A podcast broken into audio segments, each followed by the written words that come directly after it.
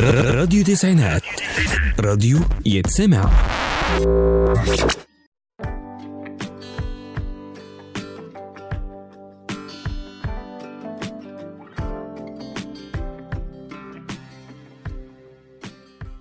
صباح الخير أو مساء الخير حسب التوقيت اللي بتسمعونا فيه. معاكم ندى أحمد من برنامج رسائل ممسوحة على راديو تسعينات. في برنامجنا هنتكلم عن مشاكل المراهقين والرسائل اللي بيحاولوا يوصلوها ومش عارفين.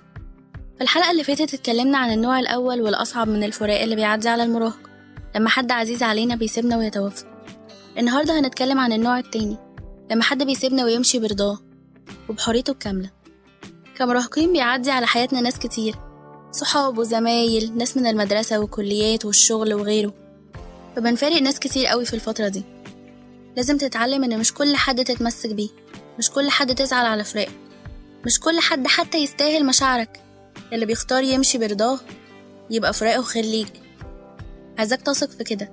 تعالوا نتخيل إن كل حد سابنا ومشي من حياتنا برضاه ممشيش عارف إيه النتيجة؟ علاقات سامة وغير صحية. بمعنى أصح هيطفشك لحد ما أنت تمشي. أو أنت هتكون بالغباء اللي يخليك تفضل وتستحمل. قاعد مأذي ومجروح. إيه رأيك؟ لسه زعلان على فراقهم؟ خد وقتك في الحزن على الصدمة. مش على فراقهم. بس ما تدهوش أكبر من حجمه.